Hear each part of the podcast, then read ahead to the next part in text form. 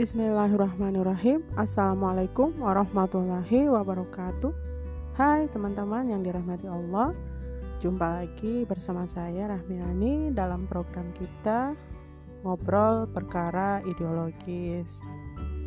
Ya apa kabar kalian hari ini teman-teman? Mudah-mudahan tetap sehat, tetap semangat dan senantiasa berada di dalam ketaatan kepada Allah Subhanahu wa taala ya. Amin amin ya robbal alamin. Ya, teman-teman, uh, kita lihat ya negeri kita ini sepanjang tahun uh, 2020 hingga 2021 ini negeri kita masih berada di dalam wabah COVID-19 dan hingga detik ini belum ada tanda-tanda negeri ini akan sembuh atau wabah ini akan diangkat oleh Allah. Eh, banyak problematika yang terjadi seiring dengan adanya pandemi ini ya. Tapi sebelum itu pun manusia telah banyak membuat kerusakan di muka bumi ini. Lewat tangan-tangan jahil manusia eh, pertama-tama adalah mereka mengubah aturan-aturan yang seharusnya itu merupakan hak mutlak Allah untuk membuat aturan hidup manusia tetapi diubah diubah pula oleh manusia itu sendiri. Aturan-aturan Allah itu diubah sesuai dengan eh, keinginan dan hawa nafsu mereka.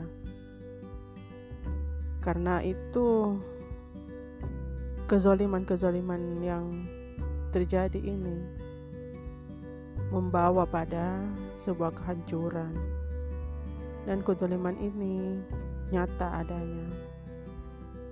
Kalau kita perhatikan, dimulai dengan privatisasi di mana-mana.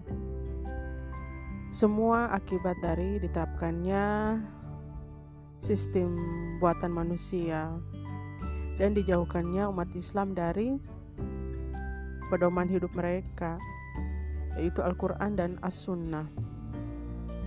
Sistem hari ini yang diterapkan adalah sistem kapitalisme, di mana uh, meniscayakan bahwa siapa yang memiliki uang maka dia yang akan menguasai negeri. Seorang penguasa pun merupakan seorang pengusaha. Ya, karena ideologi kapitalisme ini begitu mengagung-agungkan uh, kapital atau money atau uang uh, dan mempunyai dasar uh, pemikiran adalah sekuler yaitu memisahkan agama dari kehidupan. Sehingga orang-orang yang hidup pada zaman ini terjauhkan dari perkara-perkara agama, terutama bagi kaum muslimin. Mereka itu ibaratnya anak ayam yang kehilangan induk. Mereka bingung ingin mencari perlindungan ke mana, sebab uh, orang-orang yang hidup pada zaman kapitalisme ini merupakan manusia-manusia individualis yang lebih mengutamakan kepentingan mereka sendiri dibandingkan kepentingan orang lain. Terjadi jurang pemisah yang cukup dalam uh, antara si kaya dan si miskin. Ya, seperti dengan adanya penguasaan-penguasaan tambang-tambang atau uh, privatisasi yang dilakukan guna mendapatkan keuntungan bagi sekelompok orang. Dan sekelompok orang itu adalah mereka yang berduit atau yang memiliki modal. Sedangkan sekelompok lainnya. Yaitu orang-orang yang istilahnya masyarakat lemah ya yang masyarakat di bawah garis kemiskinan. Mereka semakin terpinggirkan. Kekayaan itu hanya dikuasai oleh orang-orang tertentu saja. Ya akibat dari adanya penguasaan atau privatisasi sumber daya alam. Perusahaan asing masuk ke Indonesia dengan begitu leluasa menanamkan hegemoninya pada uh, hasil-hasil tambang kita. Kalau kita lihat di sisi lain rakyat semakin tercekik oleh kebutuhan hidup. Dan di samping itu pula ditambah lagi dengan beban pajak yang semakin menggila.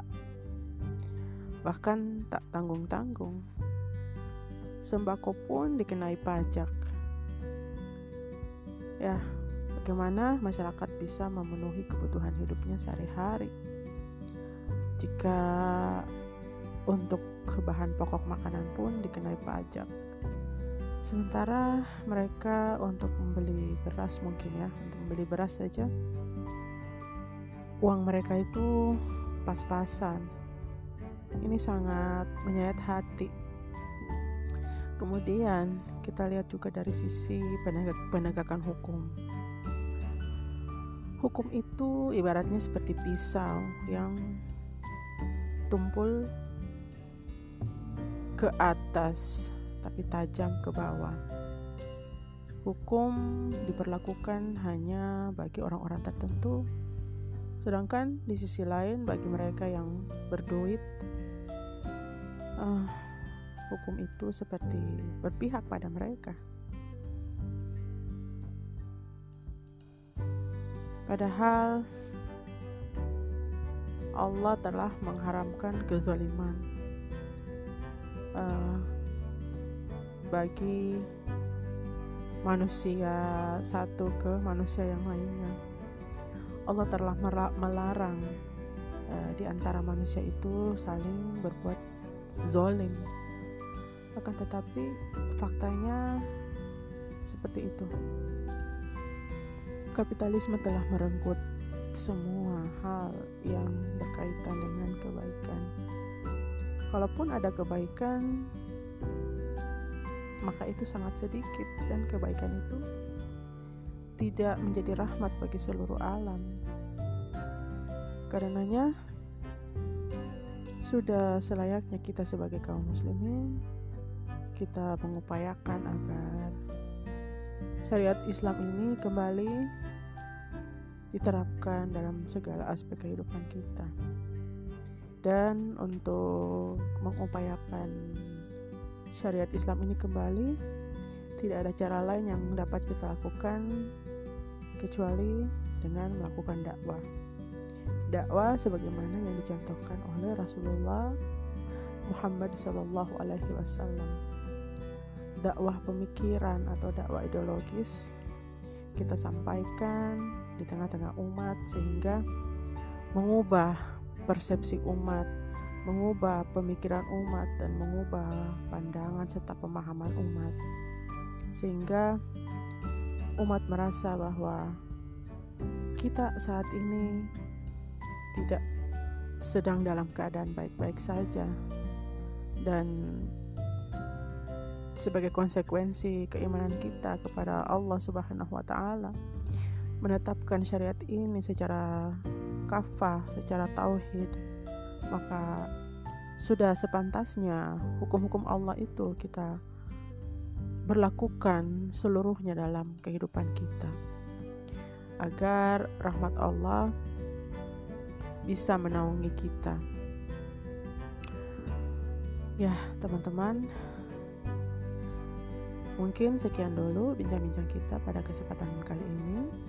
Insya Allah kita akan jumpa lagi pada kesempatan yang akan datang. Billahi taufiq wal hidayah. Wassalamualaikum warahmatullahi wabarakatuh.